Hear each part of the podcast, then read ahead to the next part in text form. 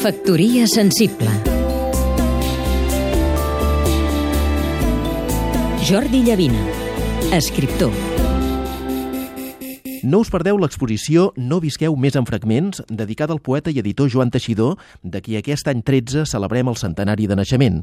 Si tu, hi ha vida i centenaris més enllà dels d'Espriu.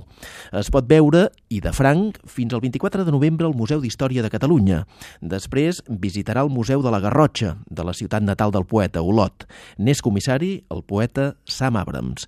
Teixidor, va dir Josep Pla, és una persona d'un agrisament volgut, d'una gran cortesia, molt important, excel·lent poeta.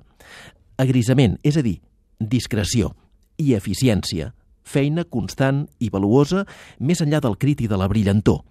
Cinc àmbits temàtics que analitzen tots els teixidors possibles, figura diversa i rica, poeta, editor, crític d'art, viatger empedreït, temes polèmics que ara queden resolts a la llum de la investigació que n'ha fet el comissari. Per exemple, el seu paper en la guerra i sobretot en la postguerra, que alguns han vist com a molt tevi, la fundació de la revista Destino i posteriorment de l'editorial que du el mateix nom, o la controvèrsia a sent ell un dels membres del jurat del Premi Ossa Menor de 1959 que va premiar el llibre Intento el poema de Josep Maria Andreu i no pas de Nuques Pueris de Gabriel Ferreter.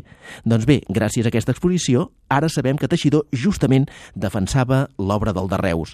A mi em va impressionar molt tot el que fa referència al llibre El príncep, escrit per consell de Carles Riba a la mort del seu fill. Converteixi el dolor en art, li va dir el mestre. Un país que vol ser independent no pot sinó honorar els seus poetes propis. Aneu-hi al Museu d'Història de Catalunya. Factoria sensible Seguim-nos també a catradio.cat